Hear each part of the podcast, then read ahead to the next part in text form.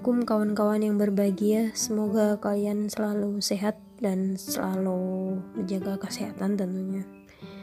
Uh, sudah memasuki bulan puasa nih. Namun episode 7 baru diupload. Maafkan ya saya karena terhalang oleh pekerjaan-pekerjaan lain. Jadi baru bisa diupload episode 7 kali ini. Dan segera saja deh, tidak menunggu waktu lama lagi langsung didengerin oke selamat mendengarkan. Oh iya tambahan lagi. Uh, episode 7 kali ini kita kedatangan kawan-kawan uh, yang mau membagikan cerita mereka tentang jurusan yang yang memang notabene ya nggak dipandang sepele juga sih. Namun uh, mungkin belum ada yang diketahui secara seluk beluknya dan kita eh, ngobrol-ngobrol uh, tentang jurusan mereka dan apa saja sih yang sih yang bisa kita uh, perlakukan untuk mereka yang mungkin mengalami kondisi yang seperti itu. Dan ya langsung dengan langsung didengarkan aja. Oke selamat mendengarkan. Assalamualaikum. Waalaikum bagaimana bagaimana kabar? Alhamdulillah saya Keadaan di sana gimana? Uh, Ngawi masih kuning, alhamdulillah. Dari tetangga-tetangga yang sudah merah dan penanganan enggak penanganan enggak penanganan sih maksudnya dari respon warga sekitar ya sudah bagus dalam artian masker segala macam sudah mulai difokuskan segala macam alhamdulillah oke siap siap sebelum kepada inti pertanyaan, baiknya kita flashback dulu ya. Oh iya, siap. Oke, flashback ke masa SMA. Wah. Yo kan titik dari situ. Oh iya. Oke, uh, mungkin Anda mau memperkenalkan diri dulu, nama lengkapnya siapa gitu. Oh iya, uh, perkenalkan dulu nama saya Dinar Hakti Iza Azhari. Asalnya perlu alamat gak sih? enggak enggak usah enggak usah enggak usah enggak usah ya terlalu ya, terlalu privat aja uh, uh. Uh, ya udah itu aja namanya. Uh, asalnya dari Ngawi aja. Udah. Iya iya iya. Terus uh, kembali ke masa SMA ya ya? Yeah. dulu SMA di mana? Dulu SMA-nya di SMA di Ngawi. Untuk lebih tepatnya SMA 2 Ngawi. SMA Negeri 2 Ngawi. SMA 2 Ngawi jurusan? IPS oh anda IPS ya? Iya, saya IPS. Hmm, saya kira Anda IPA. hmm. Oke, oke, oke. Uh, sebelum itu kan jurusan IPS ya. Iya. Yeah. Um, kenapa? Eh, nganu pemilihan-pemilihan jurusan itu uh, Anda sudah menyadari dari kelas 11 atau mulai kelas 12 uh, baru menyadari atau bagaimana? Kesadaran jurusan waktu di kuliah itu tumbuh atau mulai fokus itu mm-hmm. kira-kira kelas 3 akhir ya udah mepet-mepet eh bulan-bulan Januari kalau nggak salah. Awal-awal semester akhir.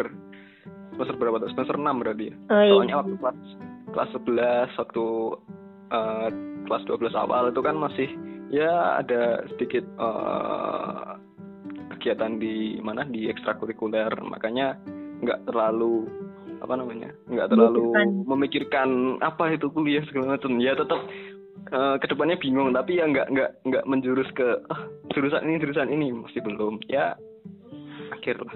Oh berarti sebelum itu anda memang uh, planning mau kuliah atau gimana? Hmm, planningnya mau kuliah cuma belum kayak ada kesadaran yang tinggi dan uh, secara sadar untuk mau milih ini mau milih ini itu masih belum masih belum. Oh iya siap siap. Terus uh, kelas 12 uh, ujian dan sebagainya. Anda masuk SNM atau SBM atau gimana? Hmm, SNM daftar tapi nggak lolos ya itu hmm, ya. biasa. SBM uh, eh, daftar di mana ya lupa aku di UN ya nggak salah di UN juga tapi jurusannya nggak langsung ke PLB itu nggak jurusan apa bahasa Inggris ya nggak salah bahasa Inggris lagi. Dan pertama tapi nggak lolos ya kan? Terus ya, nyari nyari nyari nyari nyari nyari ke Semarang ke Malang ke mana ke mana ke mana itu akhirnya ya udahlah UNY aja. Ya udah UNY akhirnya. Uh, memang planning juga bareng teman-teman atau gimana? Enggak, dari orang tua. Oh, dari orang tua. jadi orang tua. Jadi anu yaudah le eh, daftar aja di ini jurusan ini. Soalnya ada sekolah yang baru buka atau di mana? Di deket pokoknya di desa sebelah tuh ada. Siapa tahu nanti kalau bisa ngajar di sana kan deket dari rumah. Oh nggih pak. Iya di SLB kan ada SLB yang baru buka. Ya waktu tahun-tahun itu sih tahun-tahun 2016 atau 2015 lupa aku. 2015 bangun segala macam jadinya 2016 eh atau 2017 lupa ya pokoknya awal-awal tahun-tahun itulah. Oke, siap, siap. Terus kenapa memilih jurusan PLB? untuk alasan yang utama itu ya karena manut. Manut sama orang tua gitu. Kayak eh aku bukannya mau eh, apa namanya ideologis yang "Ah, aku harus jurusan ini. Ya ada cuma nggak terlalu eh, nggak terlalu seperti orang-orang yang aku ingin jurusan ini karena bisa membantu perang ini segala macam. Ya boleh monggo. Cuma kalau aku hanya terpatri sama itu nurut sama orang tua Oh. ya nolong orang segala macam. Kan itu itu memang eh, kewajiban. Dan nurut sama orang tua kan juga kewajiban.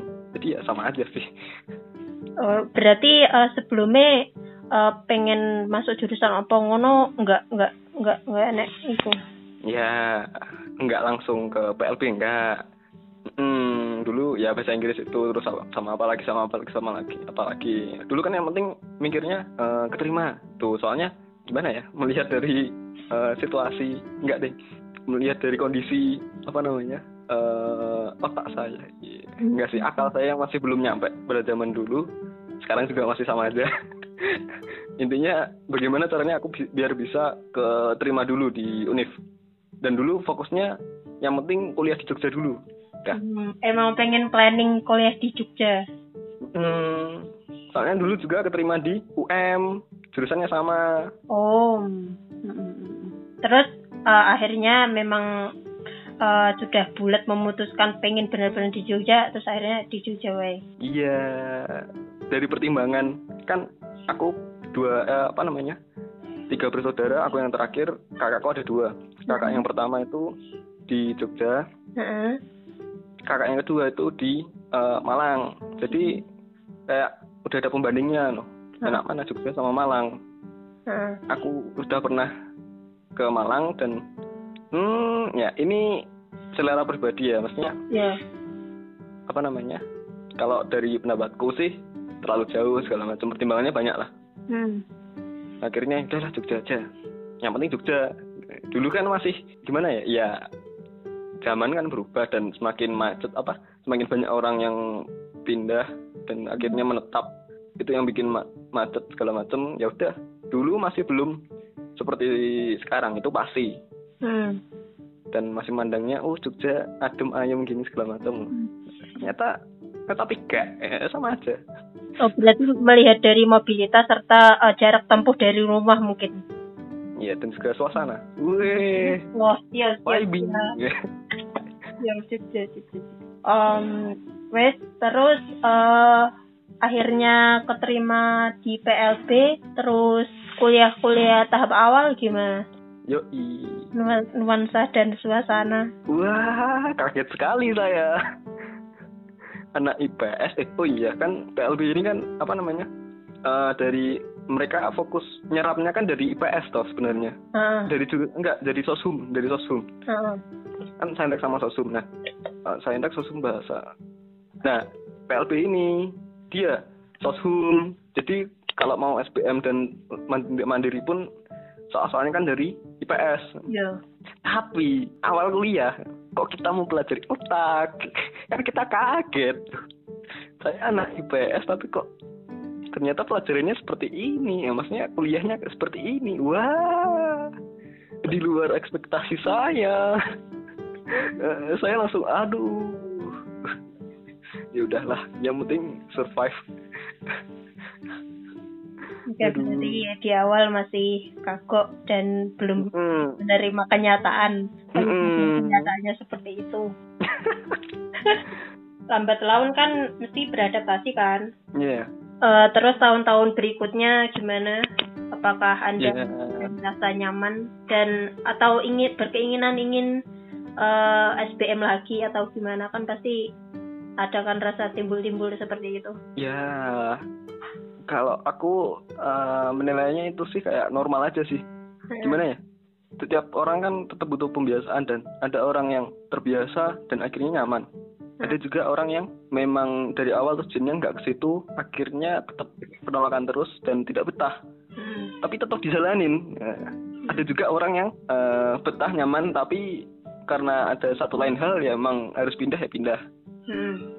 Kalau aku sih ya yang pertama aja sih soalnya terbiasa akhirnya nyaman ya udah sini aja tapi dulu waktu awal-awal tuh kayak tetap ini sih ada den- denial Iya denial. kemudian aku tahun depan harus ikut SBM lagi. Wih semangat ya kan. Pokoknya tahun depan SBM lagi. Dengan jurusan ah nggak tahu. Yang penting daftar dulu aja. Setelah di tahun berikutnya biayanya mahal. Hmm. uang saya tidak cukup. Dengan berbagai pertimbangan kayaklah ya udah ya udah akhirnya di sini aja Tapi terus eh, itu pelajaran-pelajaran yang kamu ikuti eh, akhirnya merasa iku gak? Apa itu namanya? Em, berat ya, ah. iya setiap jurusan sama aja sih maksudnya ada orang yang dari nol ya semua orang aku ngembar aku nganggapnya semua orang dari nol aja sih kalau dalam bidang keilmuan ya. Ya. tetap ada se- segelintir orang yang mereka fokus dari kecil atau dari apa namanya dari SMA atau dari SMP ada apa namanya role play-nya. Maksudnya udah ada figur yang dicontoh misal kayak orang tuanya segala macam jadi mereka kan udah kayak udah siap-siap "Hmm, materinya kayak gini kayak gini kayak gini udah siap. Tapi kan orang-orang seperti saya seperti eh, ada yang dari SMK itu ya Dari SMK bareng. ada. Dari akuntansi dari mana? Grafis atau dari mana? Teknik apa informatika segala macamnya ada. Temen saya ada kayak gitu. Hmm. itu kan ibaratnya semua startnya dari dari nol. Kan. Hmm. sama-sama belajar dari awal. Ya udah tergantung orangnya juga sih. Eh, kalau aku pribadi kalau Ah. jadi kamu hahihi saya merasa malu ya ya ya ya ya jangan malu sih. Karena sudah di tahap akhir. Terus ya gimana?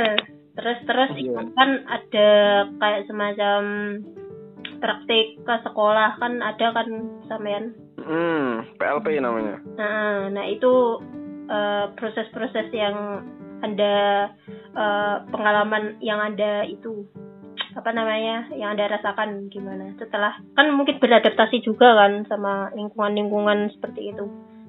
Ya, akhirnya eh, setelah ada praktek, kan namanya kan PLP, hmm.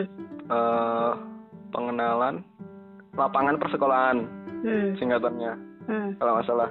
Correct me if I'm wrong, CMIW, CMIW. Nah, Iya, ya iya. di situ kan kita mulai diajari bahwa kalau mau ngajar itu aspeknya nggak cuma lu harus pintar doang, nggak. Lu lu harus eh, Anda harus bisa mengelola atau manajemen personality Anda, kepribadian Anda, emosi Anda, paling penting dan juga eh, ilmu Anda. Ilmu mengajar pun ya ya harus. Jadi sosial, terus ilmu mengajar, terus pengetahuan mau, yang mau disampaikan, terus sama setelah lupa aku. Ada empat aspek. iya Tuh. Hmm. Nah, di situ kan selain kita berhadapan dengan muridnya, kita kan juga berhadapan dengan guru-guru yang sudah senior, yang sudah mengajar. Hmm. Tetap ada bentrok dalam artian bentrok. Mereka eh, beliau-beliau kan sudah praktek, sementara kita cuma membawa teori. Hmm. Nah, dan lucunya, entah aku melihatnya kalau di jurusan pendidikan ya secara umum itu antara teori dan juga praktek itu mesti kelas. Itu mesti eh enggak. Kadang ada yang satu dua hal yang memang sepakati tapi kebanyakan enggak sama. Di lapangannya kayak gini. Teorinya menuntut A tapi di lapangannya terjadi C. Oh iya iya. Tahu tahu. Ya harus pintar-pintar gimana cara untuk eh menghadapi hal seperti itulah Hmm. gitu ya terus selain sisi guru sisi muridnya dari sisi muridnya menyenangkan karena kan di jurusanku ini apa namanya ada penjurusan atau kekhususan Hmm. yang tunanetra, Hmm. tunarungu, Heeh. eh nggak nggak eh, hambatan hambatan penglihatan hambatan pendengaran hambatan intelektual Iya. terus hambatan fisik Hmm. terus ada autis Heeh. terus ada hambatan emosi dan Hmm. perilaku Heeh. terus eh sama ini berbakat berbakat terus ada ADHD Hah? eh nggak ADHD ADHD maksudnya ke hambatan emosi sih ini hambatan belajar Heeh. itu ada sendiri Mungkin eh, Anda bisa menerangkan satu persatu tentang itu. kekhususannya Iya. aduh ya Ya, ya secara iku ya, secara secara singkat aja. kita singkat ya Heeh. Nah, jadi untuk kekhususannya kan Heeh. kita diarahkan untuk bisa minimal fokus ke satu kekhususan itu kan ya kan namanya penjurusan tuh harus bisa minimal kemampuan kalau menghadapi anak-anak seperti ini tuh kayak gimana kayak gimana kayak gimana Hmm. untuk yang tunarung eh apa namanya untuk yang hambatan penglihatan ya gimana caranya bisa eh, mereka mandiri segala macam terus yang tunarungu bagaimana apa yang hambatan pendengaran bagaimana mereka bisa eh, apa namanya Hmm. berkomunikasi eh, apa ya berkomunikasi dengan orang-orang sekitar dan segala macam dan segala macam seperti itu jadi ya Stop, stop. BTW kalau hambatan pendengaran, terus cara ikunnya gimana? hambatan pendengaran Ya. cara apanya Enggak cara untuk tahu atau komunikasi. nah itu terbagi menjadi ini sih tiga jadi ada yang kalau yang untuk komun apa yang yang tunarungu sendiri ya Hmm. itu terbagi menjadi tiga ini tiga arah Hmm. yang fokus cuma lewat oral yang kedua fokus ke tunar apa namanya bahasa isyarat Heeh. yang ketiga ini komunika- komunikasi total dalam artian oral iya bahasa isyarat iya Apa yang pertama oral? Eh, eh, oral jadi lewat lewat mulut Oh. jadi tetap tetap tetap ya pakai seperti bisa ngomong Heeh. ngeluarin udara segala macam meskipun nggak sempurna ya tahu sendiri kan tunawicara Iya. tunarungu dan tunawicara kan satu paket Hmm. kecuali kalau yang tunawicara tunawicara kan nggak mesti tunarungu tapi kalau tunarungu itu jelas tunawicara Hmm. seperti itu jadi ya ya seperti itulah Ya terus terus yang eh, hambatan penglihatan, hambatan pendengaran, terus yang selanjutnya untuk yang penglihatan kan apa namanya? Oh ang- eh, hambatan penglihatan itu juga ada dibagi menjadi beberapa eh subbagian lagi atau hanya penglihatan? Seingat saya seingat saya itu ada yang bener-bener ada yang nggak bisa melihat. Hmm. terus ada yang low vision. Hmm. terus ada yang satu lagi lupa. Kalau nggak salah yaitu itu kalau nggak dua atau tiga lupa Hmm. yang aku ingat sih dua itu. Jadi ada yang benar-benar total nggak bisa melihat. Hmm. ada yang low vision dalam artian harus dibantu dengan kacamata segala macam tapi masih bisa melihat. Tapi yang nggak nggak nggak jelas. Tapi yang penting ada menerima apa namanya tentang cahayanya itu. Hmm. begitu. Kalau yang intelektual? Intelektual. intelektual ya ada lagi yang apa namanya enggak. Kalau yang intelektual nanti terbaginya menjadi ada yang Down syndrome ada yang eh aduh aduh, apa ya soalnya yang ingat cuma itu doang sih Ada iya. Down syndrome intelektual salah satunya Down syndrome ya. hmm. Eh, terus selanjutnya? Terus yang autis. Yang autis kan masalahnya ke ini sih ke komunika ke apa namanya cara bersosialnya hmm.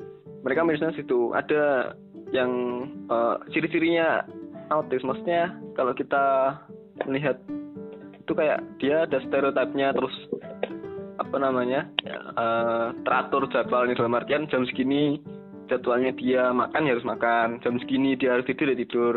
Jam segini harus gini ya kayak gitu. Jadi diulang-ulang terus. Hmm. terus ya minus di sosial. Hmm. Em, yang autis itu ada pembagian-pembagian lagi nggak mamane autis yang berat, ringan atau sedang atau gimana? Ya ada, ada, ada, ada. Jadi yang berat ya berat. Kalau yang berat ya bener-bener nggak mau apa namanya, nggak mau komunikasi sama orang, nggak mau sosial sama orang kan ada. Hmm. Dan itu perlu di apa namanya, perlu dilatih, perlu dilatih segala macam. Hmm. Terus yang sedang, terus yang ringan. Kalau yang ya, ya itu. Ya, jadi gimana saya jabarkan ke ini biar tahu. Aduh, saya lupa. Ada, ada. ya wes yang- selanjutnya selanjutnya. Hambatan emosi. Hambatan emosi. Hambatan hambatan emosi ini loh, Dalam- apa namanya? Tuna tuna laras. Oh, enek toh. Tuh ada yang gangguan yang suka ngerusak, yang vandal, yang apa namanya? melukai diri sendiri dan orang lain, yang Oh. brutal segala macam. Itu kan ada. Itu itu termasuk berkebutuhan khusus dalam artian penanganannya juga harus apa namanya spesial meskipun dilihat secara fisik dia seperti anak normal Hmm. tapi sikapnya yang terlalu destruktif Hmm. itu ya harus dibimbing segala macam Hmm. Soalnya dulu ada juga sekolah di Solo itu Hmm. dulu pernah observasi di sana waktu semester semester semester awal Hmm. semester awal awal itu mereka bahkan eh, memfasilitasi pakai sarung tinju Oh. kan mereka senang berkelahi toh tapi Oh, iya, iya. sama sekolahnya ya udahlah sekalian dikasih sarung tin- tinju biar apa ya nggak nggak terlalu apa namanya nggak terlalu parah juga kan Hmm. kan ada pelindungnya Hmm. ya udah kalau udah mau tanda-tanda mereka mau kelahi udah kasih sini udah eh, eh sedang gelut tuh tapi tetap gurunya kalau bisa gurunya tetap ngelang apa namanya melerai tetap tapi yang penting tindakan preventifnya kan dikasih sarung tinju seperti itu Hmm. ada yang apa namanya Berarti tindakan secara emosi itu ya merusak-merusak ses- sesuatu segalanya di sekelilingnya mungkin. Nah, seperti itu. ada yang seperti itu ada Terus emosi-emosi semuanya lagi.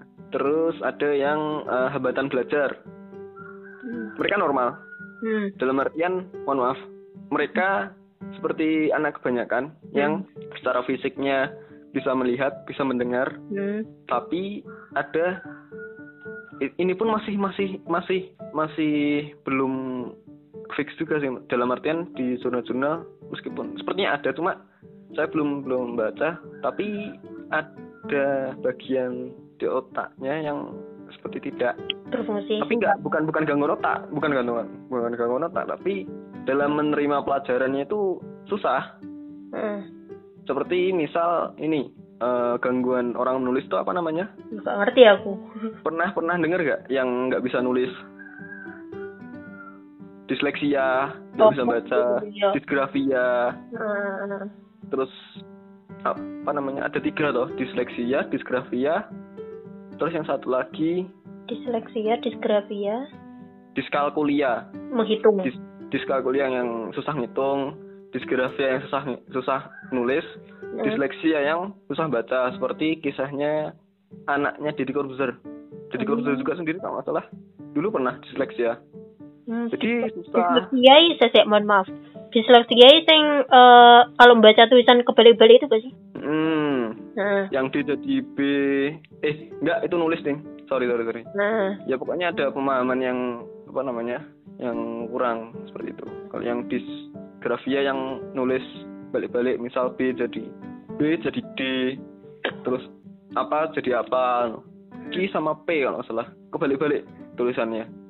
Aku dulu soalnya juga pernah aku suka apa namanya kuliah di jurusan ini kayak flashback juga Loh, zaman kecilku kayak kayaknya ada nih. Zaman kecilku temanku sepertinya ada seperti itu seperti itu. Oh, kak. Jadi kayak- hmm. lanjutkan, lanjutkan. jadi kayak eh, wah kuliah ini sepertinya bagus untuk apa namanya eh, memperbaiki mental saya Jadi aku tanya, aku tanya. Yen semane orang kidal iku termasuk orang yang berkebutuhan gak sih? Enggak. nggak tahu saya soalnya belum baca jurnalnya belum baca. Penelitiannya juga belum baca. Saya nggak berani menjawab. Oke, oke, siap. Terus ini hambatan apa nih? autis sudah Eh, udah udah udah. Udah sih. Kalau nggak salah cuma itu. Kalau yang apa namanya? Tunadaksa kan ya tahu sendiri. Maksudnya yang ada apa namanya? Yang misal tangannya hilang atau Mhm. yang di kursi roda atau ada yang apa namanya eh hidrosepalus Hah? atau ada yang Hidros- hidrosepalus Iku apa? itu yang otaknya eh kepalanya membesar karena kebanyakan cairan Oh, iya iya iya. kan dulu juga sering tau di berita-berita tuh kayak oh anak ini mengidap terus palu segala macam Hmm. terus ada lagi yang apa namanya eh seingat saya itu sih meskipun banyak ada banyak klasifikasinya Hmm. Oke, terus pernah praktek-praktek ada kejadian-kejadian yang Anda alami apa ya Yang kejadian ya? yang mengesankan mungkin? wah Pasti enak kan? kejadian yang mengesankan banyak sih Hmm. kalau misal ngajar kok yang di dikentutin atau misal yang di eh, nggak dianggap atau misal yang apa namanya yang diludahin segala macem Hmm. itu kayak udah jadi makanan sehari-hari sih Hmm. Ya, ya ini nggak nggak nggak bicarain aib orang kan? Ah, saya takut Yo, se, se, iku ya, se, sehalusnya ya, gak usah di aib orang sih. nggak kan aku tidak personal ya pokoknya kejadian kejadian-kejadian seperti itu kan kayak sudah wajar ya di SLB SLB jadi kayak udah nggak nggak takut yang misal siswanya apa namanya mohon maaf mohon maaf mohon maaf banget Hmm. mohon maaf banget Hmm. kayak eh di kelas Hmm. atau segala macam itu kan kayak oh ya udah gurunya yang bersihin terus mau gimana lagi orang anaknya seperti itu kan nggak mungkin dimarahin juga toh Hmm. ya ada penanganan yang misal oh bocah ini sepertinya paham kalau kita kasih tahu udah kasih tahu kalau le jangan anu gini kalau jangan di sini kan ada toilet kalau mau buang air ya bilang Hmm. tetap kasih tahu Hmm. tapi kalau yang melihat siswanya juga kan ada peraturan peraturan terbaru yang SLB negeri kalau salah itu harus menerima semua anak dengan ke- berkebutuhan yang bermacam-macam Hmm. soalnya biar bisa mengako- mengakomodasi anak-anak tersebut buat belajar di sekolah Hmm. itu tapi tetap ada kan juga banyak loh sekolah SMP yang swasta Hmm. yang apa namanya fokus mengurusi satu kelas klasifikasi aja itu banyak Hmm. jadi ya ya itu dinamika dunia per PLB-an Tapi kalau sudah dewasa begitu ad- eh, kemungkinan untuk sembuh ada nggak sih? oh satu hal yang perlu di satu hal satu hal yang perlu jadi kaidah Hmm. maksudnya jadi pegangan Hmm. ini semua itu bukan penyakit memang ada Hmm. yang kayak disleksia segala macam Hmm. tapi kebanyakan itu itu bukan penyakit itu kondisi khusus jadi kayak kalau di Islam kan ada namanya kodok sama kodar Hmm. bahwa semua apa namanya ada yang eh aduh Ayo diingat-ingat lagi, Bung. kodok itu kan kayak ketetapan khusus Hmm. misal kodarnya kita punya mata kita punya telinga kita punya mulut Hmm. bisa ngomong itu kodar Hmm.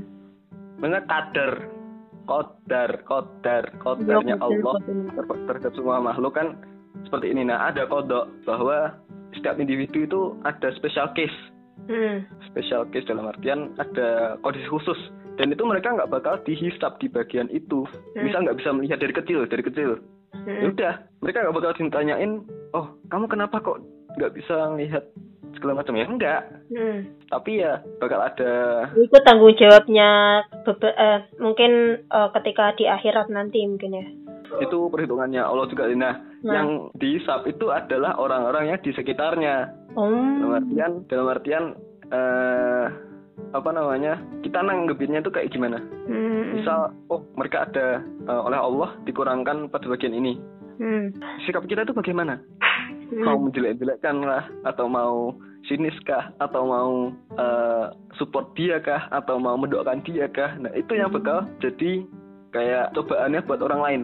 Hmm. itu kayak peluang. Hmm. kalau aku bacanya kayak peluang pahalanya sih. Hmm. jadi kalau oh ya dia kurangnya itu aku bisa bantu ini. Hmm. Nah, jadi kayak ya namanya juga zaman akhir. Iya. penyakitnya Eh, juga Hmm. apa namanya kondisinya juga bakal ya sama aja sih sebenarnya Hmm. dari tahun-tahun dulu juga maksudnya dari sejarah-sejarah lihat kaum kaum terdahulu juga ya Hmm. ya sama aja problemnya Hmm. ada ada orang buta ada Hmm. ada orang yang nggak bisa dengar ada Hmm. jadi ya sama aja sih Hmm. cuma kan responnya zaman sekarang sama zaman dahulu itu yang menurutku beda sih Hmm. Nah aku ingin aku ingin meluruskan itu aja sih Iya, dan juga iya. sama kalau buat pendengar semuanya Iya. bahwa mereka ini diberi kalau aku melihatnya mereka ini diberi keringanan oleh Allah Hmm. soalnya apa dengan adanya seperti itu dari kecil misal nggak bisa lihat oh berarti nggak bisa melihat eh, keharaman yang banyak Hmm. sekarang Hmm. ya seperti itu misal nggak bisa dengar dari kecil oh yaudah berarti nggak bisa mendengar perkataan-perkataan yang jelek. Maka terselamatkan dari hal itu yaudah Iya. Hus husnuzonnya seperti itu sih Iya, iya. Terus dari yang sudah disebutkan tadi mungkin ada eh, tambahan lagi ada yang ber, yang berkebutuhan khusus maksudnya. Ada apa aja macamnya? Sudah semua. sepertinya sudah semua sih sudah semua Oke, oke. Terus eh, ke pertanyaan perkuliahan ya, balik lagi. Iya. Eh, stigma Anda sebelum masuk PLB dan sesudah masuk PLB gimana? apanya Stigma pandangan Stigma. Anda. Ha-ha. Setelah sebelum masuk, setelah sebelum belum mengetahui secara pas persis terus eh, setelah sudah mengetahui seperti itu kondisinya begitu. gimana ya aku dari kecil itu ada teman yang tuli dan nggak bisa ngomong Hmm. Dan juga ada beberapa eh, maksudnya orang eh, kerabat yang harus diurusin segala macam. Hmm. jadi kayak udah biasa ya bukan ya gimana ya nggak nggak terlalu kaget itulah. Hmm. kayak oh seperti ini oh, seperti ini ya ya ya- udah kayak gitu. Berarti di lingkungan Nggak- nggak sekitar kaget. berarti di lingkungan sekitar sudah tahu bahwa ini akan begini ini akan begitu begitu? Iya iya iya. Jadi nggak nggak nggak terlalu kaget. Yang ah kok seperti ini. Aduh aduh aduh. Nggak nggak terlalu nggak terlalu. Sumpah alay banget. Oh kan ada orang seperti itu. Banyak. Siap, siap, siap. aduh. Balik lagi ke perkuliahan. Kan setiap jurusan kan mempunyai eh, keunggulan masing-masing toh. Nah menurutmu eh, jurusan PLB ikut ikut di mata kamu selama kuliah ini gimana pendapat kamu tentang untuk PLB untuk tentang PLB ini kalau aku pribadi salut salut Hmm. sama orang-orang yang berkecimpung di sini. Meskipun aku sendiri belum belum belum fokus di PLB ini tapi aku melihat dari senior seniorku Hmm. dari orang-orang yang bahkan tidak mengenyam pendidikan apa namanya tidak mengenyam bangku kuliah di jurusan ini Hmm, mereka ada banyak orang-orang yang tulus. Hmm, banyak orang-orang yang memperhatikan apa namanya kehidupan orang lain. Yang Hmm. bahkan dengan kekurangan seperti itu tetap mereka bantu. Hmm, jadi banyak belajar ba- eh, belajar banyak hal dari orang-orang seperti mereka. Dan salut hmm, karena tindakan mereka itu tidak banyak orang yang dipilih oleh Allah untuk melakukan hal itu. Hmm, gitu. ada orang yang diberi kondisi tapi tidak mengambil hal itu dengan kacamata husnuzan kepada Allah. Hmm, masalahnya seperti itu. Hmm, aku dikasih kondisi seperti ini. Hmm, misal eh, ada kakaknya atau misal ada siapa kerabatnya oh punya kondisi seperti ini. Kok kenapa sih Allah kayak gini kayak gini kayak gini? Kok kenapa kok hanya aku yang menderita? Ya padahal kan kalau kita bersang, berprasangka baik pada Allah kan minimal sedikit mengurangi beban di hati kita bahwa oh berarti ini peluang pahalaku di sini hmm. berarti aku bisa eh, ngambil usaha agar dikasih rahmat oleh Allah Hmm. seperti itu Siap, siap Pak. Terus eh ke depannya apakah kamu eh, tetap melanjutkan eh di berkecimpung di dunia PLB atau gimana? Ya tetap kalau melanjutkan. aku secara idealis Nah, insya Allah jika Allah berkehendak saya eh, meniti jalan ini hmm, terus. Hmm, tapi tetap mencari pendapatan di bidang lain. Jadi nggak nggak fokus pendapatnya di PLB ini nggak. Hmm, maksudnya di SLB nggak. Soalnya kan ini kayak bidang ini adalah lahan untuk kita apa namanya apa namanya sedekah sosial. Oh ya. jadi kayak nggak bukan tempatnya untuk mencari duit di sini loh Hmm, paham nggak? nah. Hmm, jadi kayak ngerintis usaha dulu gimana itu. Ngerintis usaha segala macem. Hmm, ngajar usaha ngajar usaha ngajar usaha ngajar. Idealnya seperti itu. Hmm, tapi melihat kondisi yang sekarang Hmm. itu kayak eh, kehidupan yang dulu itu enggak sih? Aku cuma cuma cuma ini aja sih kayak menjadi normal itu akan kondisi baru normal yang baru itu akan tercipta. Jadi kayak udah sudah tidak seperti sebelum corona ini enggak. Sebelum pandemi ini enggak. Kayak setelah pandemi ini bakal ada eh, normal yang baru. Karena kan normal kan ada karena banyak orang yang melakukan dan juga diulang-ulang secara terus menerus Hmm. ya jadi ya nggak tahu juga sih ke depannya mau Hmm. fokus ke tetap ada rencana tapi Hmm. ngelihat sikon juga sih soalnya ini bener-bener messed up sekali Eh, udah lihat berita yang terbaru sing apa? yang Kim Jong Un yang minyak dunia wah itu pembahasan lain lagi sih Katanya katanya saham sampai nol. Iya gak sih? nggak tahu cuma minyak harga minyak mentah itu anjlok tapi kok kenapa harga bensin kita masih sama. Padahal ada undang-undang yang mengatakan bahwa wah itu enggak udah itu udah lain pembahasan cuma, intinya itulah. Geo geopolitik kan udah beda lagi pembahasannya. Bahasannya. so, kita kenapa kok bisa membicarakan hal ini? Nggak usah dikat sih nggak apa-apa sih. Biar orang tahu juga. Kondisi nyatanya seperti itu sih. Hmm, jadi kayak ada new normal. Iya, iya, menjadi normal kondisi normal yang baru itu bakal beda dengan sebelum corona. Udah, itu aja Hmm. poin yang ingin ku sampaikan mumpung ada hal seperti ini. Hmm. Terus eh, secara keseluruhan mungkin ada rangkuman dari Buat Anda para yang buat hmm. para pengemban ini, buat para pejuang, pejuang di bidang apa namanya untuk menangani orang-orang yang special case. Hmm. Eh, ketulusannya dijaga, Wih, niatnya dijaga. Soalnya itu yang bakal ngaruh ke tindakan dan juga ke respon buat para pendaftar. Wih, ada pendaftar mungkin eh, apa namanya? Realitanya tidak akan selaras. Mungkin akan selaras sebagian, tapi kebanyakan tidak akan selaras dengan apa yang apa yang terjadi di eh, pikiran atau. Harapan yang ada di pikiran orang-orang yang mau daftar di jurusan ini. Siap. Itu aja sih. Terima Sudah. kasih. Terima kasih atas obrol-obrolan yang bermanfaat. Wah, kalau ada, Mungkin kalau ada benarnya iya, itu dari Allah semata. Kalau ada salah itu pure dari saya. iya, iya. Terima kasih. Assalamualaikum warahmatullahi wabarakatuh. Sama-sama. Kegiatan di rumah ngapain? Kegiatan selama di rumah aja cuman pagi bantuin orang rumah ya biasa sebagai anak rumahan terus setiap hari aku selalu mena eh, enggak sih selalu ini ngerawat tanaman jadi Mas siap. Hobi baru ya? enggak sih sebenarnya ya pengen aja uji coba hidup enggak tanamannya tumbuh enggak lumayan banyak ada cabai terong brokoli pepaya pisang bawang merah bawang putih siap, banget. siap. Eh, sing iku apa namanya bunga-bungaanmu?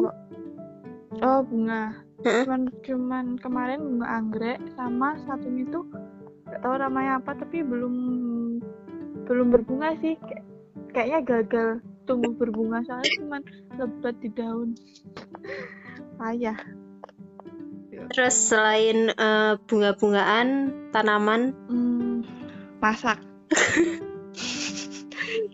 Seketika menjadi iku ya koki dadakan ya. ketika menjadi chef ya? Heeh. Ya, bener-bener.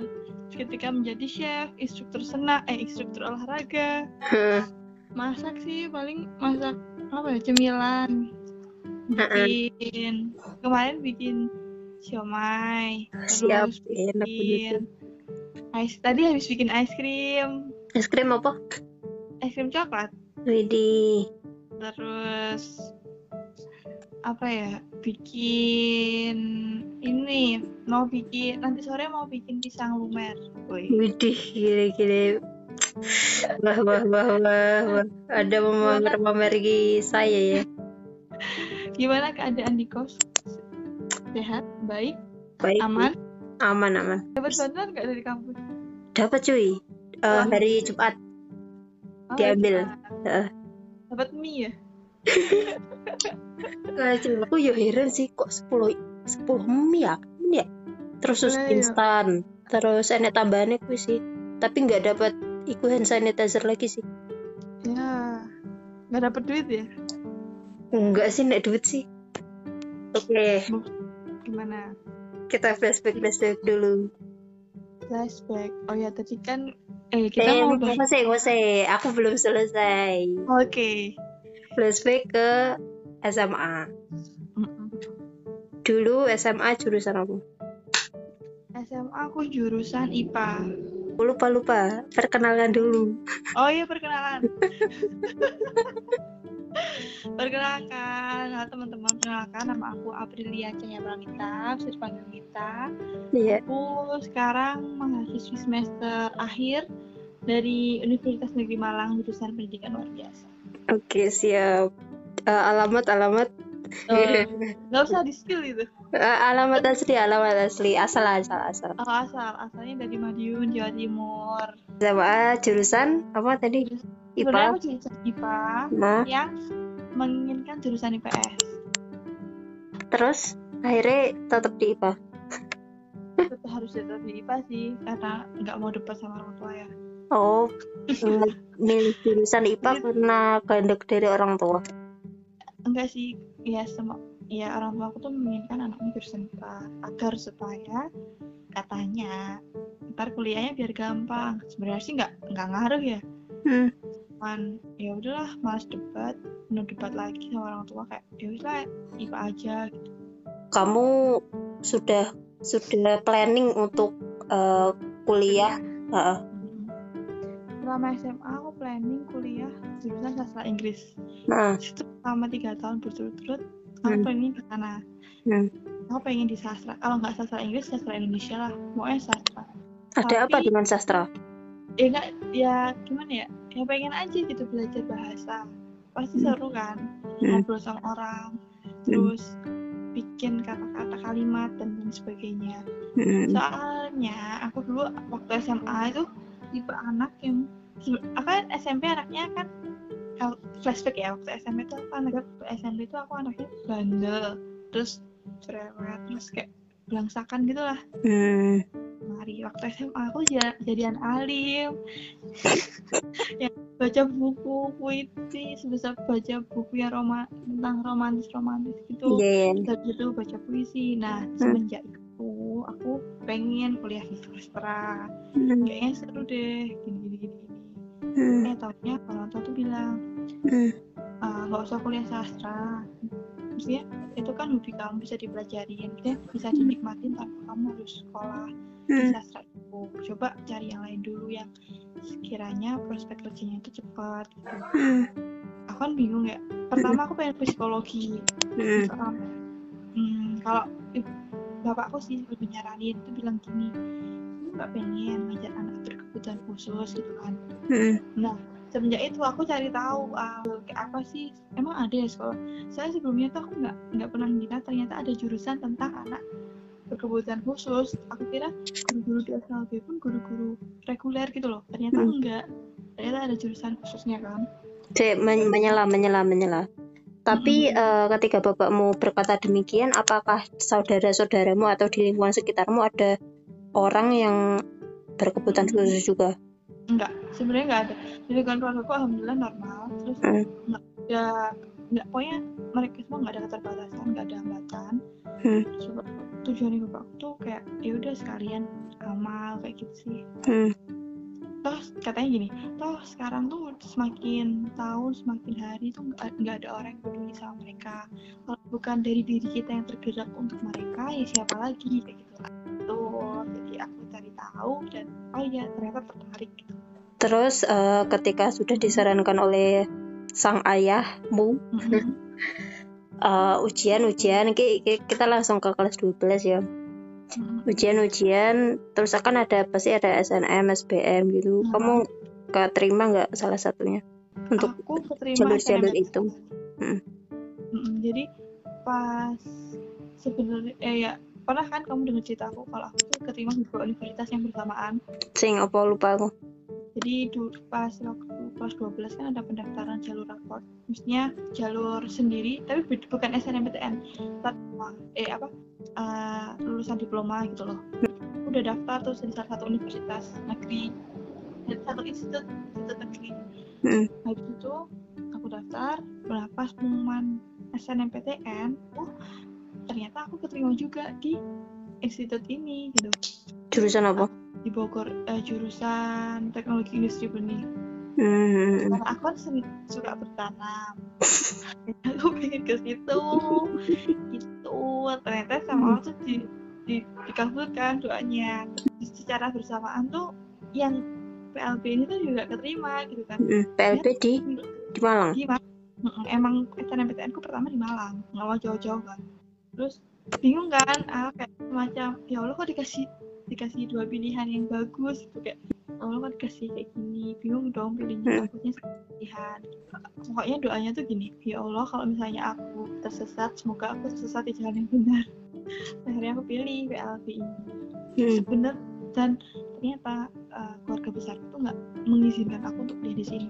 Banyak banget dari pertama dari ibuku terus omku pak deku nenekku semuanya tuh nggak menyetujui aku kuliah di sini kecuali bapakku. Ya kuliah di Malang apa Di jurus dengan jurusan tersebut? Jurusannya di jurusannya. Hmm, hmm.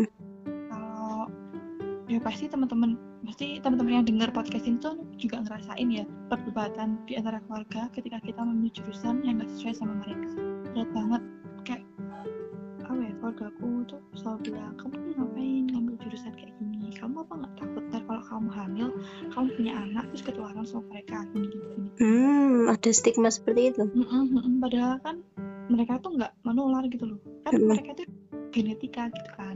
Ya udah sih aku dengerin. Tapi sebenarnya kecewa sih kayak aduh kok kayak gini ya? Ya ya aku nggak menyalahkan mereka juga ya. Soalnya mereka nggak pernah tahu nggak semua orang. Masa mereka itu bukan virus bukan bakteri yang kita tiba-tiba ngajar mereka nempel ke mereka terus kita ketularan tuh enggak enggak sama sekali enggak ngaruh kita.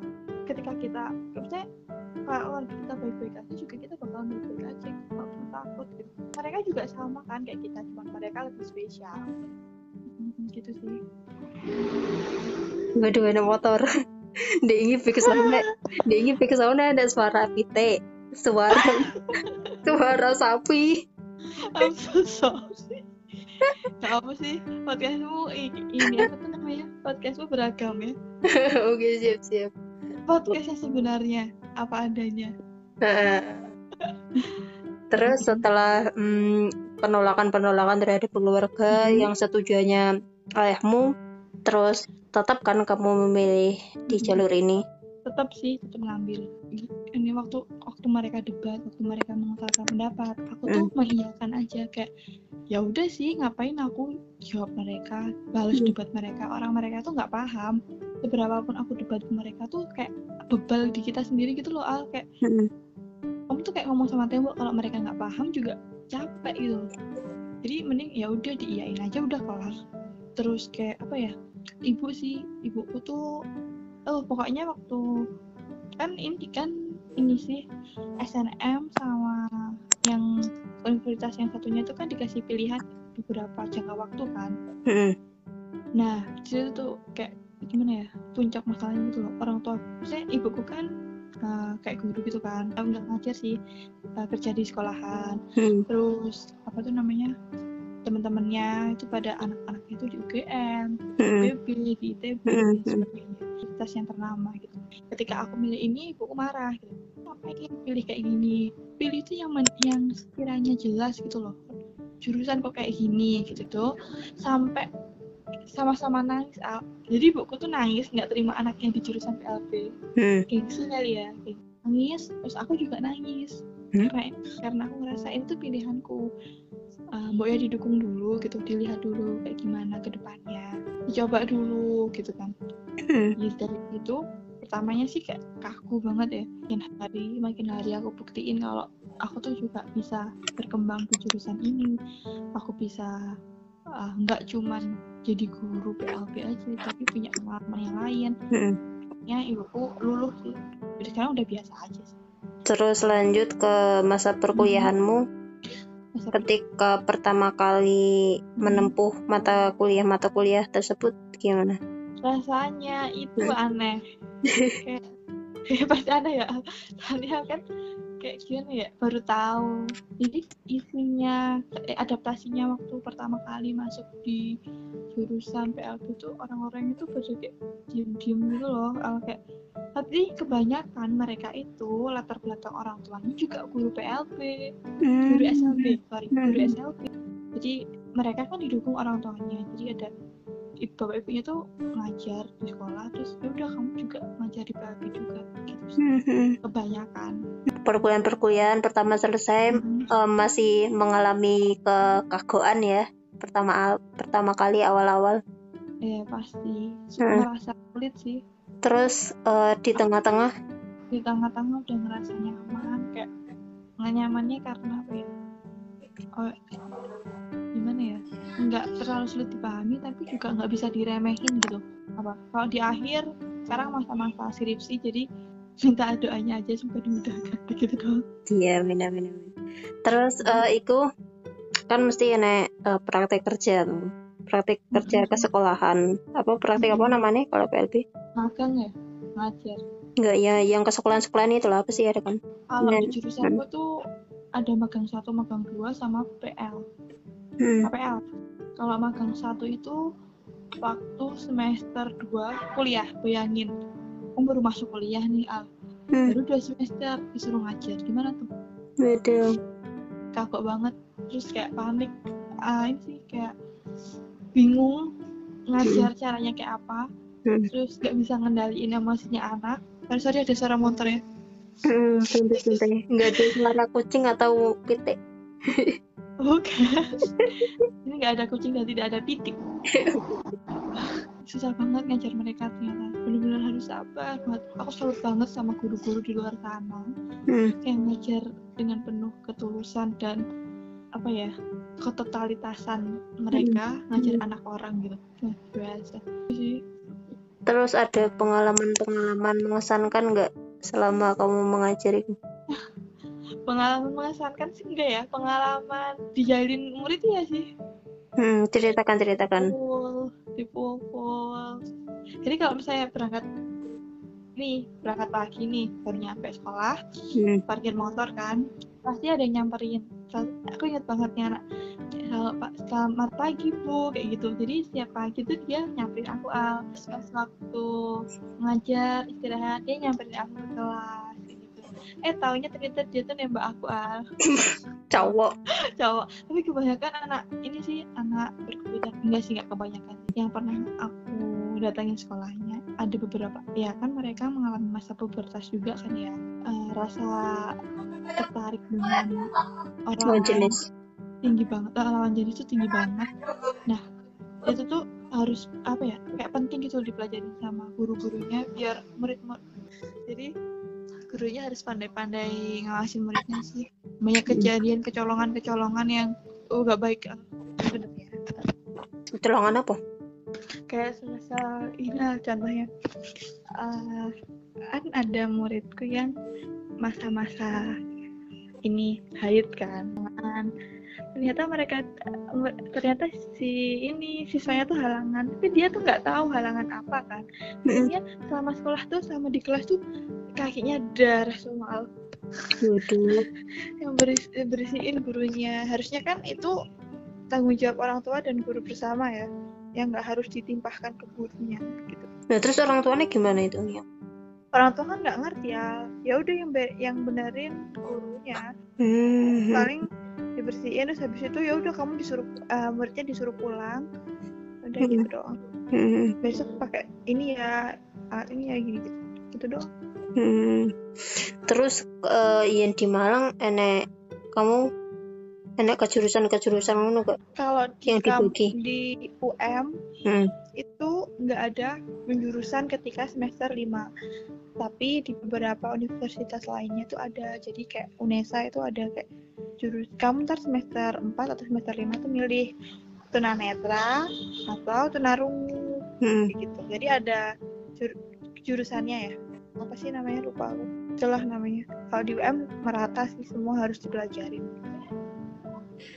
Lanjut cerita aja aku aja yang cerita. Iya ya. Eh, ini sih cerita eh, meluruskan stigma masyarakat yang menganggap mereka itu eh, apa ya hal yang menganggap mereka itu sebuah ini sih eh se- se- se- sesuatu yang harus ditutupi. Sebenarnya mereka itu nggak perlu di gini gini sih maksud aku tuh masyarakat tuh kan stigmanya kayak mereka tuh anak cacat mereka itu nggak berguna terus banyak banget orang tua yang mengurung anaknya yang berkebutuhan khusus di Hmm. rumah cara dipasung dengan cara di apa dibiarin gitu aja. Hmm. nggak ngerti apa-apa. Ngerti Hmm. dirinya aja. Enggak itu nggak dibelajarin sama sekali. Dan itu tuh bener-bener apa ya hal yang tidak benar. Mereka Hmm. itu apa ya sama. Cuman butuh ketelatenan yang lebih untuk mengajar mereka. Jadi mereka itu nggak bodoh jadi mereka harus ekstra lebih lebih ngajar ekstra dan lain sebagainya. Kayak apalagi stigma masyarakat yang mikir kalau mereka itu bisa menyeb maksudnya bisa penyakitnya tuh bisa tertular padahal mereka itu bukan penyakit loh. Gitu kan kayak mereka itu ya manusia biasa. Terus Tapi punya eh, ya kespesialan itu kan. punya spesial punya kelebihan lah Mm, yang ah, nggak kita punya gitu sih. Dan tipe mereka tuh banyak ya. Ada tunarungu. Mm. kan tuna artinya hambatan Mm. dalam KBBI mm, jadi mungkin lebih sopannya kali ya.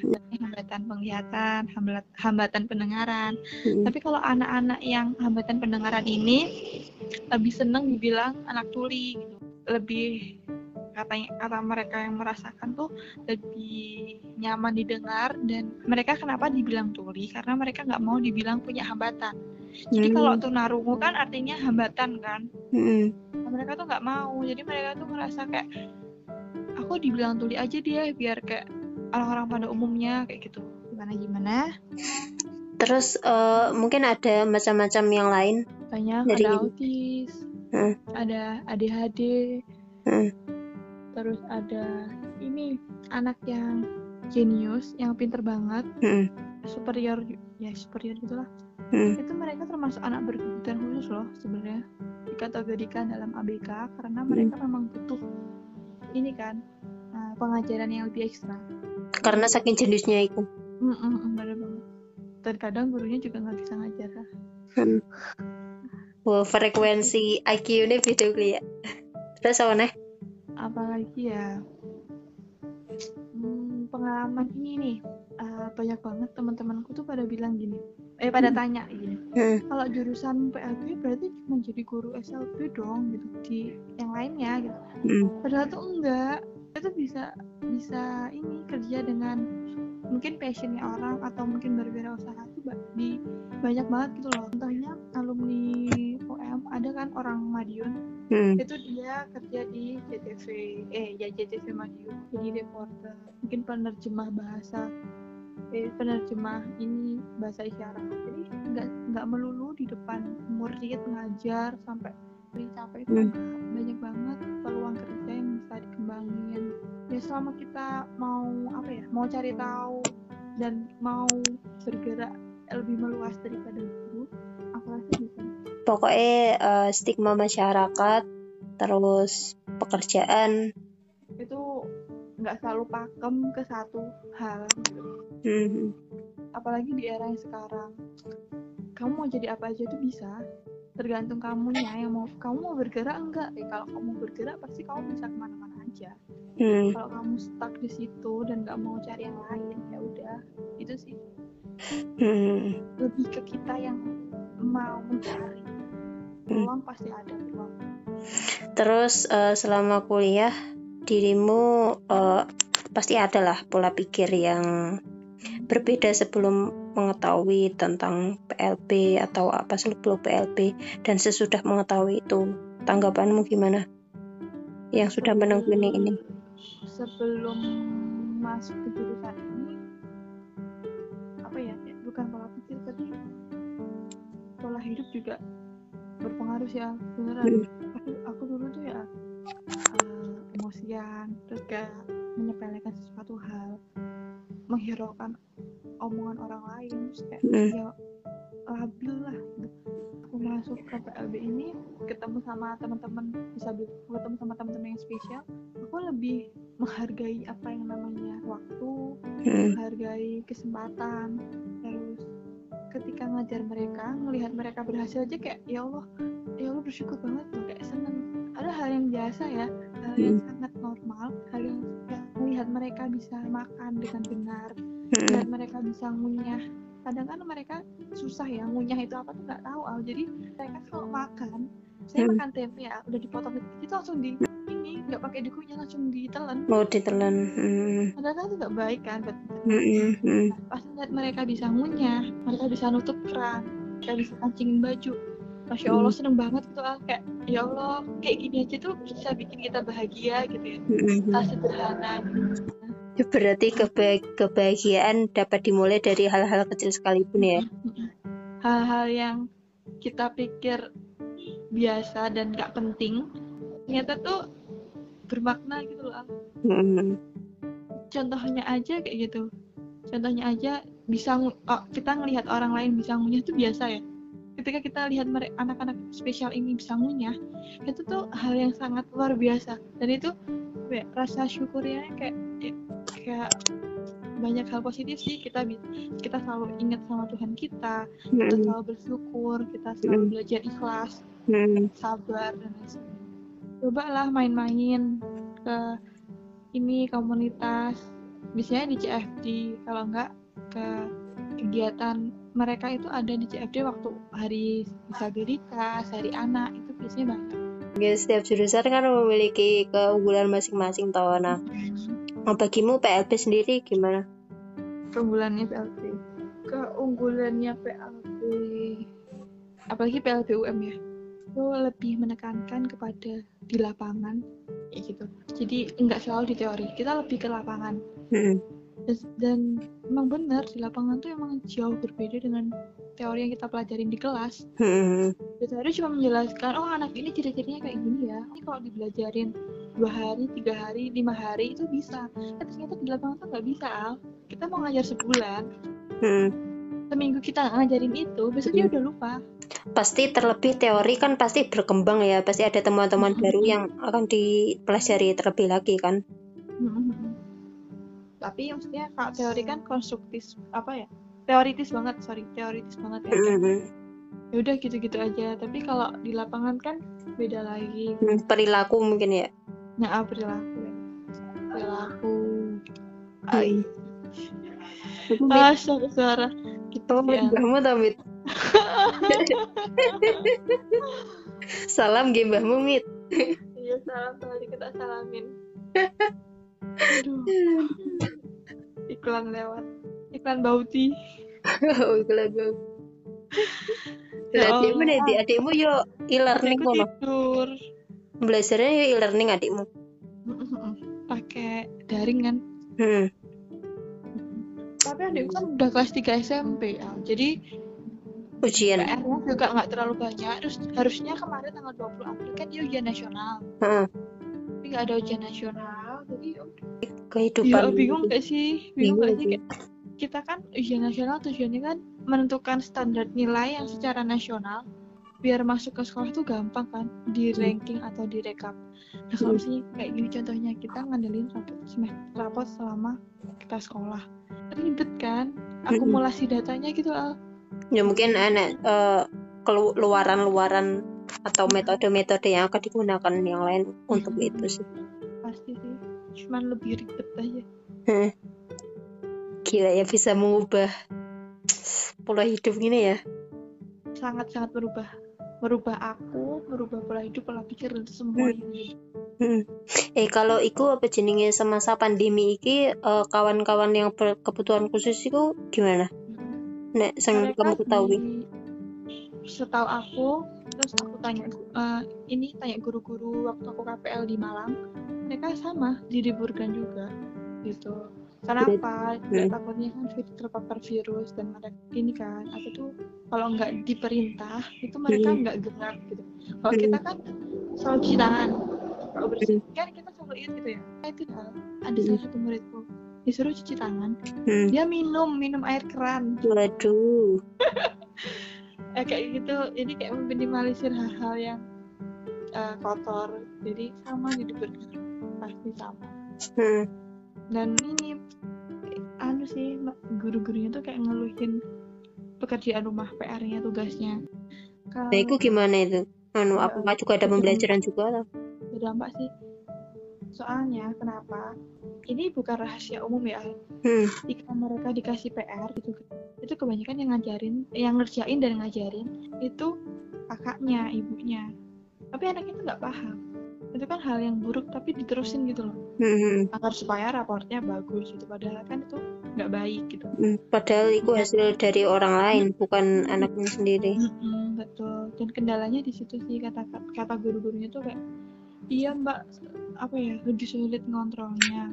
Kalau semisal di sekolah kan saya ngasih PR ada ini kan hasilnya asli nyata walaupun itu dikerjakan sama orang lain. Nah kalau misalnya kayak gini ada beberapa orang tua yang nggak punya apa WA yang nggak punya telepon itu lebih menyulitkan kita. Mereka menilai datanya. Mereka kan butuh motorik kan Hmm. motorik kasar, motorik halus. Yang lain dan belajar ini juga bahasa eh, mata pelajaran lainnya. Yang berat tuh yang belajar tentang motorik gitu loh. Kalau kan nggak semua orang tua mau telaten ngajarin anaknya kan. Jadi takutnya guru-guru itu pas mereka sekolah lagi lebih menurun gitu lebih apa ya lebih males mungkin atau lebih buruk gitu takutnya gitu. Sih. soalnya kalau misalnya mereka nggak setiap hari ngulang ntar kan juga repot di gurunya gitu loh Hmm. ketika masuk ngulangin lagi dari awal padahal dia udah setengah udah bisa gitu, gitu sih Berarti eh, setaumu eh, orang-orang yang berkebutuhan khusus di seluruh dunia itu sama atau gimana? enggak Enggak. beda pasti mereka beda Hmm. Uh, lingkungan tuh mempengaruhi ya Hmm. sekolah mempengaruhi kualitas guru karena aku per- pernah magang kan di Madiun juga terus aku pernah kayak apa ya observasi di beberapa sekolah di Malang guru-gurunya ini bukan jurusan PLB Hmm. Malah jurusan? contohnya aja di Madiun tuh kebanyakan satu sekolah itu guru PLB cuma satu kepala sekolahnya Hmm. Yang lainnya? lain- yang guru yang lain itu jurusan S1 bisa biologi BK matematika kadang memang lulusan SMA di kelas nggak diajar cuma dikasih buku ya wis ini kerja no gak kamu kerjain ya wis. Yang penting aku ngajar kamu di kelas aku tahu kamu pegang pensil aku tahu kamu ada kertas selesai. Padahal nggak kayak gitu. Harus dibenahi dari awal ya Kayak, alhamdulillahnya sekarang banyak banget guru PLB yang juga ngajar di sekolah luar biasa jadi Sudah tersalurkan mengenai sejalur. sudah tersalurkan yang diajarin juga paham cuman di daerah-daerah terpencil itu pasti enggak semaju daerah perkotaan gitu. Pasti berpengaruh banget. Terus eh, setelah sudah kamu berkecimpung di jurusan PLB ini, Mm-mm. apakah ke depannya kamu juga akan eh, tetap berada sejalur di jurusan PLB atau mungkin ada sambil-sambil lain gitu. Ke depannya? ke depannya aku pengen jadi guru guru anak ber- berkebutuhan khusus Hmm. tapi tidak di sekolah negeri. Jadi aku pengen ngajar di sekolah yang standarnya itu internasional atau sekolah yang sekolah alam. Karena apa? Karena kan masih pengen mencoba. Tidak ini sih tidak tidak di sekolah negeri itu karena aku tahu banget kayak melihat guru-guru itu ya udah gitu-gitu aja gitu. ya nggak- aku nggak nggak menyalahkan mereka ya takutnya ntar aku ngomong kayak gini ya kan enggak cuman kalau misalnya pandanganku kalau misalnya kita kayak di sekolah internasional Hmm. kurikulum yang berbeda dan lain sebagainya itu bisa bikin kita produktif dan uh, mencari tahu hal yang lebih banyak gitu kalau gimana ya pengen lebih tertantang aja sih Al, tapi aku tetap di jalur guru Ya sudah, Mm-mm. ya begitulah. Terima kasih sudah bertanya tentang PLB. Semoga orang-orang di luar sana yang dengerin podcast ini nggak nyepelek, menyepelekan lagi anak berkebutuhan khusus, nggak memandang sebelah mata mereka dan jurusan ini, dan mau berteman dengan mereka lebih tepatnya. ke nganu kes- kesimpulan kesimpulannya berarti yang terakhir iki mau ya Ya tadi kesimpulannya tadi barusan. oh iya siap siap Kita tuh nggak boleh lihat dari luarnya aja. Kalau kita selamin pasti banyak hal positifnya. Walaupun di luarnya kelihatannya, ya apaan sih kayak gitu doang. Aku juga bisa. Apa sih biasa. Padahal kalau kita selamin tuh lebih susah dan lebih banyak ini kesannya dan pesannya. Terima kasih kawan-kawan sudah berkenan mendengarkan episode 7 kali ini dan semoga memberikan manfaat yang lebih dan eh, dalam bidang keilmuan-keilmuan lain semoga bisa apa namanya diketahui dan diserap eh, makna dari obrol-obrol podcast episode 7 kali ini. Terima kasih kawan-kawan. Semoga eh, ibadah puasanya lancar dan eh, bertemu di- dan dipertemukan kembali pada eh, hari kemenangan Idul Fitri nanti. Terima kasih kawan-kawan. Assalamualaikum.